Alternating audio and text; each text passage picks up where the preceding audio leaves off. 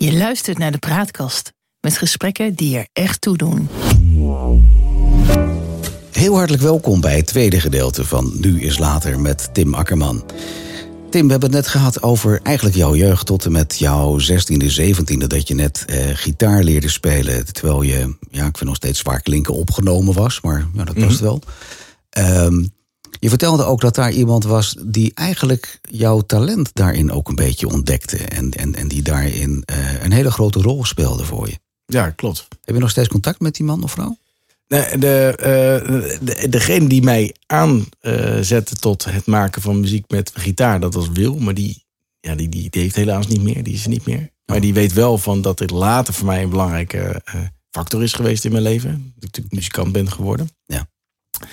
En de andere wat ik net opdoende was uh, een, iemand van, de, van school. Dat was de hoofd van school. Mm. Um, ik weet niet of ik de naam moet noemen. Dus uit privacy doe ik dat even niet. Maar diegene weet wel waarover over, over, wie we het hebben. Ja. Um, maar die, die zei altijd, en dat, dat, dat, we hebben het onlangs weer over gehad, want zij is nu met uh, pensioen gegaan. En uh, nou, een droom was om dat ik bij haar pensioenafscheid uh, zou optreden. Nou, dat heb ik ook onlangs gedaan. Leuk. Maar zij heeft me altijd de, de, de, wijze woorden gegeven: Tim, je bent nooit te oud om te leren. Ja. Als je iets leuk vindt, dan, dan neem je die kennis tot je. Mm.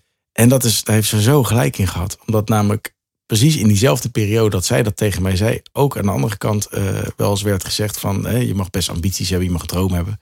Maar muzikant zijn, dat is niet heel realistisch. Ja. En dat is ook wel deels. Ik bedoel, hoeveel muzikanten lopen er niet rond die de ambitie ja. hebben, maar toch niet hè, zover schoppen. Ja. Ja, dat is uniek. Ja. Maar om bij voorbaat al iemand uh, een, een, droom, zeg maar, uh, de grond in te helpen door te zeggen van nou nee, ja, het is leuk. Vervolgens moest ik ook nog eens een keer een beroepstest doen in die tijd. En daar kwam pottenbakker uit. En toen zei ik ook van nou, ik weet niet, maar ik zie mezelf niet op de Albert Kuip met potten staan. Uh, dat nee, vind ik toch wat realistischer. Nee. En als je het dan later natuurlijk, hè, achteraf natuurlijk wat makkelijk praten. Maar als je dan succes krijgt ja. als muzikant, ja, dan kijk je ze toch wel een beetje na. Ja. En als dan degene is die daar heel erg gestimuleerd in heeft, van je bent nooit oud om te leren. Want ik heb ook echt wel ik zangles gaan volgen. Ik heb uh, de, uiteindelijk het hele direct verhaal is ontstaan omdat ik in een muziekwinkel werkte. Omdat ik daar, uh, mijn vader is daar binnen gestapt en gevraagd of ik daar uh, een baantje kon, in ieder geval om werkervaring op te doen. Want die was mm. natuurlijk ook heel anders, doordat je natuurlijk je jeugd op een andere manier hebt ingevuld. Dus nu gaan we even vliegen, want dat ja, was het heel snel dit natuurlijk. Ja. Nou, het was een muziekwinkel, uh, Rock Palace. Het, uh, um, Hoe oud was je toen? Ik was 15 toen ik daar voor het eerst uh, binnenstapte. Oké. Okay. En dat was in de periode wel dat ik dus nog uh, begeleid woonde, maar dat ik wel elk weekend naar Den Haag ging. Naar huis, ging. naar huis ging, inderdaad. En dan zit het dus, dus in 1995, als ik het ja, goed zeg. Okay. Helemaal goed, ja, ja. klopt. En uh, nou, ze waren net verhuisd van een wat kleiner pand naar een heel groot pand. En uh, ze konden wel wat extra mankracht gebruiken. En uh, nou, de ambitie die ik had en ook dat ze de kans wilden bieden aan mij om in ieder geval werkervaring op te doen, dat beviel ze ook wel. Ja. Maar voor mij was het Valhalla. Stond in één keer tussen allemaal ontzettende mooie gitaren die ik mocht poetsen en mocht onder andere mocht nemen. En, en later werd het een vaste instelling. Toen was ik. Uh, was de aanstelling? Uh, sorry, een aanstelling. Ook goed. Ja. Uh, een vaste aanstelling toen ik 17 was. En um, ja, vervolgens runde ik daar samen met een andere collega de, de, de gitaarafdeling. En dat werd mijn vaste baan. En natuurlijk altijd midden in, omringd met muzikanten. Nog even één stap terug, want je was in die tijd nog leerplichtig. Ja. Je vertelde dat je vanaf je dertiende eigenlijk in die instelling zat. Wat voor, wat voor school deed je in, in die periode? Dat was toen, ja, dat was echt begeleid, ook begeleid, begeleid uh, uh, kaderachtige uh, scholing. Ja. Um, waar je ook niet, ja, ik heb uiteindelijk wel een soort NVPI-achtige uh, studie gedaan. NVPI, dat zegt mij helemaal niks. Help. Of ik zeg de FPI, maar ik gelijk hier dit. De FPI is totaal iets anders. De, de uh, hoe heette dat nou? Nou, in ieder geval een, een soort van uh, LOE-achtige opleiding was dat die je kon volgen. Maar was dat een wat algemene ontwikkeling of had je daar nee, dat was dan, technische... Dit was dan echt specifiek op, op de detailhandel. Dus het was echt gewoon hoe je met de klant omging... en hoe je de verkoopbevordering kon, kon doen. En dat ging dan helemaal in de businesskant. En dat had theoretisch tot doel dat je ooit een keer ergens in een winkel zou gaan staan. Precies, of, of vertegenwoordiger ja. zou worden van weet ik veel wat. Zover kon je inderdaad uh, okay. gaan. Inderdaad. En de detailhandel wat meer uh, onder de knie te krijgen. Nou, daar ben ik ook voor, uh, voor geslaagd. Ja. Dus mijn papiertje ook voor gekregen. En dat was al een hele grote winst. Zeker omdat ik een wijze achterstand had opgelopen door, uh, door eerst aan mezelf te moeten werken en dan pas scholing. Ja. Ehm, ja, en wat ik zei, dat, dat was natuurlijk van mijn ouders natuurlijk ook uh, een, een, trigger van oké, okay, ehm, dadelijk komt hij weer in de maatschappij. Hoe gaat hij zich dan uh, rooien als, als, je geen echt officieel cv op papiertje hebt? Mhm. Dus vandaar dat mijn vader binnen was gestapt en ja, de ambitie van gitaren waren natuurlijk als gitarist natuurlijk heel hoog. Dus het was natuurlijk ideaal om daar in zo'n omgeving te mogen werken. En later. Maar je was eigenlijk toen al gefocust op muziek. Ja. In, in welke vorm dan eigenlijk ook? Toen was ik, inmiddels was ik 15. Ja. Had je in die fase, de 15, 16 zeg maar, had je, had je toen ook behalve de droom dat je uh, ooit een keer beroemd en berucht en weet ik wel wat zou worden, wat, wat iedereen op die leeftijd wil als die een beetje Mhm. gitaar kan spelen.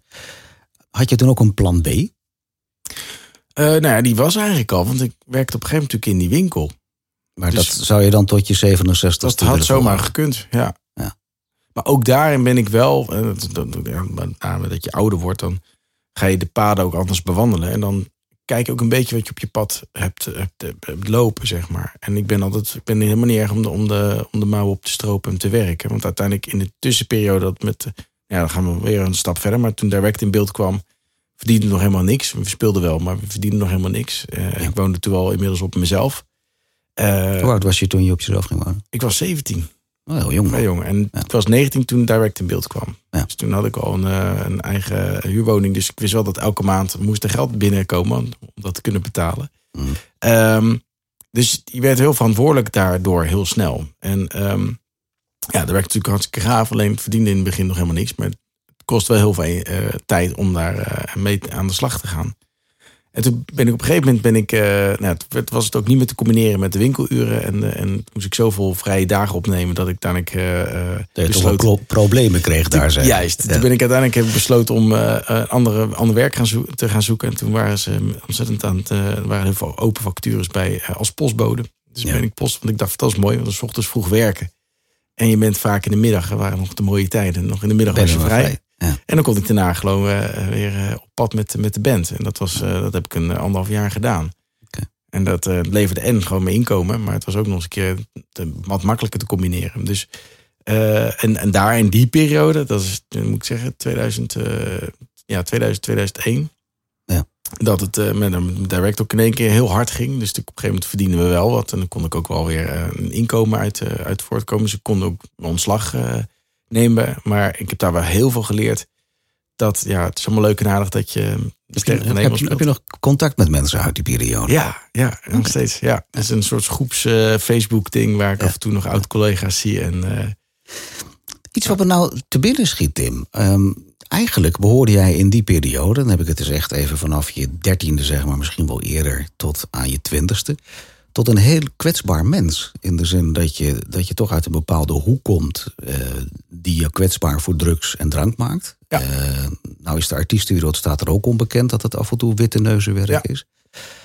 Heb je dat zelf meegemaakt en kun je iets vertellen hoe, hoe je daarmee omgaat dat je daar nooit in terecht gekomen lijkt te zijn? nee, ik heb, weet nee, klopt. Nee, ik, ben er nooit, ik heb nooit iets van drugs eh, tot me genomen. Ik, ik, Nee. heb, ik heb nooit totaal geen aantrekkingskracht voor dat, eh, dat soort dingen. Dat doe ik hoe niet. kan dat? Omdat je eigenlijk, nou, ja, zoals ik net zei, jij, jij behoort eigenlijk zeker op die leeftijd tot een heel kwetsbaar mens. Nou, ik, denk, ik draai het om. Ik denk dat als ik die kans niet had gehad, of als niet door mijn ouders, zeg maar, die keuze hebben, dat zij die keuze niet hebben gemaakt om mij in zo'n eh, woonomgeving te zetten, dat ik dan inderdaad eerder een gitaartje bij de supermarkt voor had gezeten met een hoedje eh, Ja. te- van kunt u me helpen.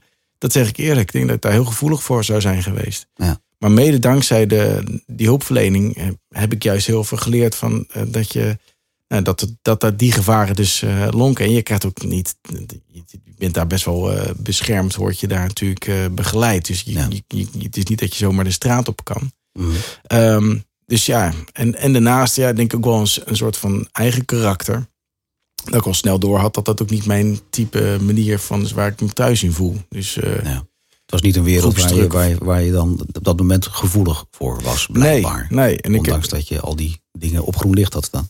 Ja, en sterker Ja. nog, je, je vervolgens rol je inderdaad in de rock'n'roll wereld. Maar- Ja. En ik heb het dus eigenlijk stom gezegd. Ja, misschien ben ik heel naïef, maar ik heb het zelf nog nooit zien eh, eh, gebeuren om mij in mijn omgeving. Maar achteraf blijkt dat heel veel mensen toch het een en ander eh, tot zich namen. Ja. En ik heb dat zelf nooit gezien. Ik heb ook ik heb wel eens een keer dat je het aangeboden kreeg. En ja, ik heb, nee, sorry. Hoeft voor mij niet. Nee. En dan liep je verder. Dus dat, eh, ik heb dat ook nooit. eh, ik, ik straalde blijkbaar ook iets uit van "Oh, mij hoef je het niet te vragen. Dat is niet interessant. Ik ben daar niet gevoelig voor. Nee. Ehm, Oké, ehm, ik denk dat we nu een beetje aangekomen zijn bij het moment dat Direct in beeld komt. Ja, Wat gebeurde er? Je was, hoe oud was jij toen? ik was toen tot 19. Oké, En ehm, nou, ik werkte dus in die winkel. En er kwam een collega van mij, Dennis van Hoorn. Die, kwam, eh, die werkte zelf op de drumafdeling. Die kwam een eh, eh, moment naar me toe. Hij zei van Tim, ik heb mijn vader gesproken. Die heeft een ontzettend talentvolle drummer als zoon. En ehm 15 jaar, 14 zelfs. Zijn probleem is dat hij gewoon eigenlijk geen mede-leeftijdsgenoten kan vinden. Die ook zowel het niveau als de ambitie hebben om echt serieus met muziek bezig te zijn. En ik weet dat jij gitaar speelt, weet dat jij liedjes schrijft, weet dat je zingt. Je daar interesse in hebben om eh, samen te gaan zoeken naar andere bandleden? Ja. Om een eh, band te vormen. Nou, toen de tijd dat nog- initiatief was van de vader? Van... ja, van Jamie, eh, van de, de, ja, ons noemen we altijd Papa Dickie. Dickie, Papa Dickie. ja, Papa Dickie was Dick eh, de vader van Jamie. En Jamie was degene die op de, op de drumafdeling bij... Nee, dat was, dat was, nee de Jamie was gewoon de, de zoon. Dus, dus Jamie was de, de drummer. Ja. En eh, die was toen de tijd eh 14, 15 jaar. Oké, En eh, Dennis van Hoorn, dat was degene die op de drumafdeling werkte. Dus dat was de collega van mij. Dus die raakten met elkaar in, in gesprek. En Ja. vervolgens kwam ik in beeld.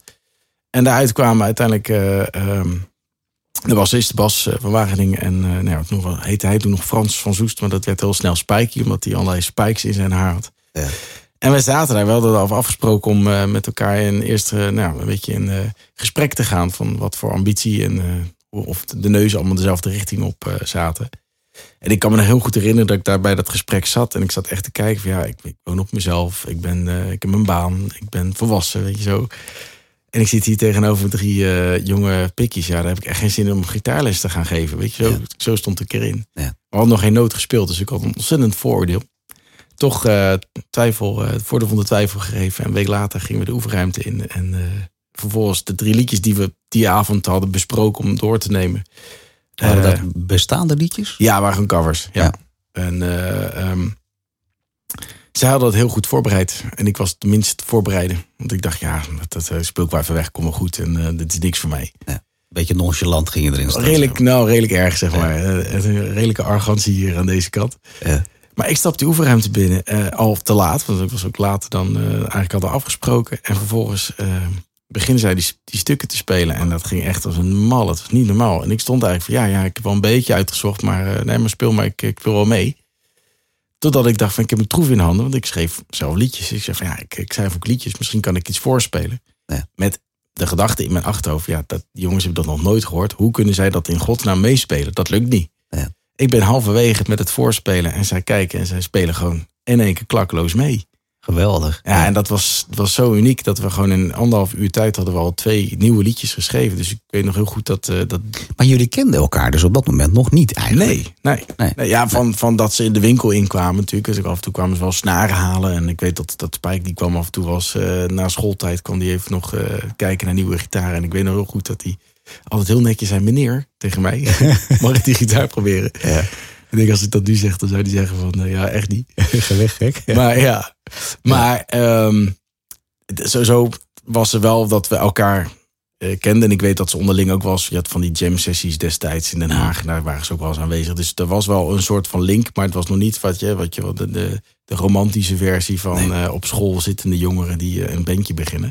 Dit was wel echt geselecteerd op talent. En eh, dat was ook de delen gedachtegoed van, van Dick, de vader van Jamie. Dat is, hij vond het opvallend in de sportwereld heb je de, de, de scouts, hè, die kijken Ja. naar talent. Dat is die dik in feite ook, maar op een andere manier. Ja, precies. Ja. En eigenlijk is hij een, een, voorganger geweest van alle talentshows die we inmiddels kennen. Dus dat, dat was toch wel een, een dingetje dat hij toch had, iets had ingezien. Is die dik later nog ook iets gaan doen in, in, in, in de showwereld of helemaal niet? Nee, hij, hij, is de, hij is altijd de chauffeur geweest. Tot de dag van vandaag rijdt hij nog steeds eh, de band direct eh, Oh, wat leuk. A naar B en, eh, en Ja. weer terug naar huis. En eh, het is wel mooi hoe familiair dat nog steeds ontzettend, hoe sterk het was. Hij was ook altijd degene die, hij werd ook vaak gezien als de manager. Terwijl hij dat op dat moment helemaal niet eens was. Maar hij was wel degene die nou, ons al in het gereel hield bijvoorbeeld. Hè? Ja. Dat als je een heel snel succes leert kennen, je bent heel jong.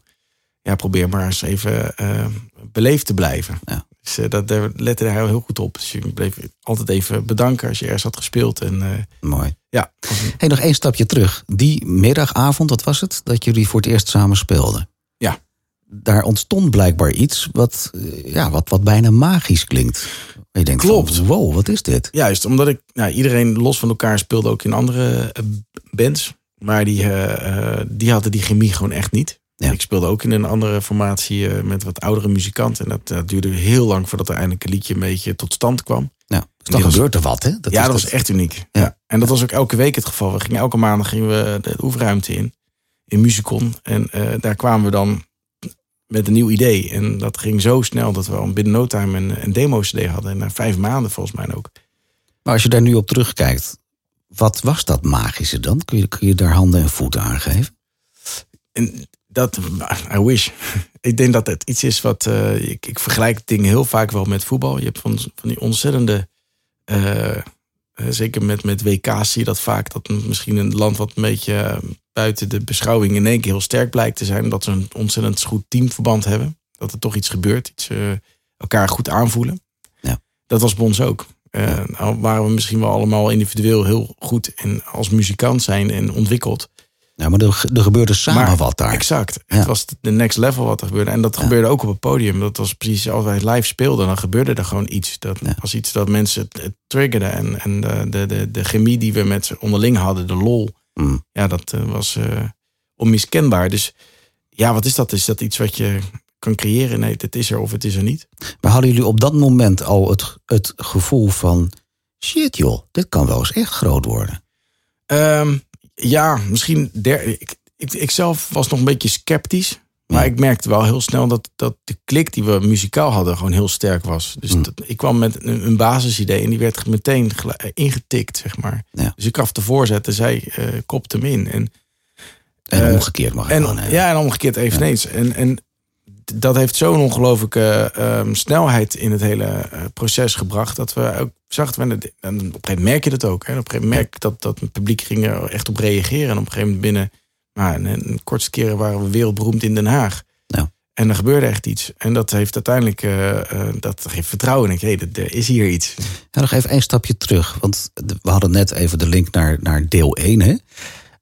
Jij kwam eigenlijk met klachten in die platenzaak. Dat was wel afgenomen. En je hebt daarmee, uh, ja, hoe zeg je dat? mee leren dealen. Mm -hmm. Heeft dit een rol gespeeld in jouw genezingsproces? Ja, misschien niet helemaal een goede woord. Maar om, om met jezelf te leren omgaan? Um, on, on, ja, onbewust denk ik zeker. Ik denk dat het ook een soort bevestiging is van al die jaren dat je hè, de, de, liefde die je voor de muziek hebt, dat het daar ja. toen de tijd werd een beetje werd weggewuifd van ja, het is wel leuk, maar hè, iedereen mag een hobby hebben. En, uh, ja. en eigenlijk tot de dag van vandaag is het nog steeds een veredelde hobby voor heel veel mensen, terwijl het gewoon een vak is. Ja.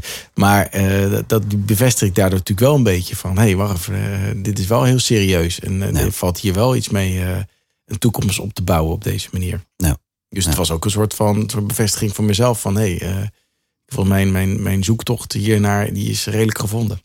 Had je op dat moment nog klachten in welke vorm dan ook? Nee, eigenlijk niet. Nee, nee, nee totaal niet. Nee, dat, dat heeft me echt, heel, echt tot mijn zeventiende was het ook echt dat die heb ik ook die jaren heb ik nodig gehad om, om uh, nou gewoon vooral met emotie om te gaan. Ik denk dat dat vooral een hele belangrijke key voor mij is geweest. Van op het moment dat je je niet prettig voelt, dat mag. Je ja. bent een mens, je mag gevoel ja. hebben. En dat heb ik altijd weggestopt. En misschien wel onbewust vanwege de thuissituatie met mijn broer, die natuurlijk uh, uh, ongevraagd veel uh, aandacht nodig had. En veel ja. ziekenhuisbezoeken vanwege operaties. Weet je, je kan doodanalyseren tot je in ons weegt, maar het, het, het, het, zal nooit een volledig antwoord of één antwoord zijn. Dat nee. dat allemaal schakels zijn van.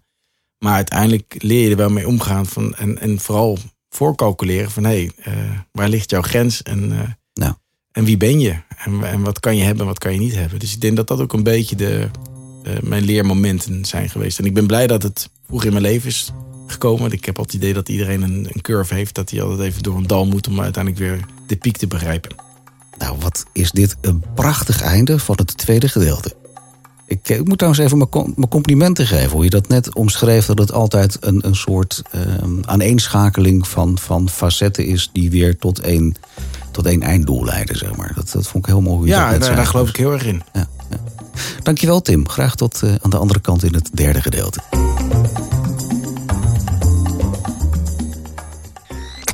De praatkast.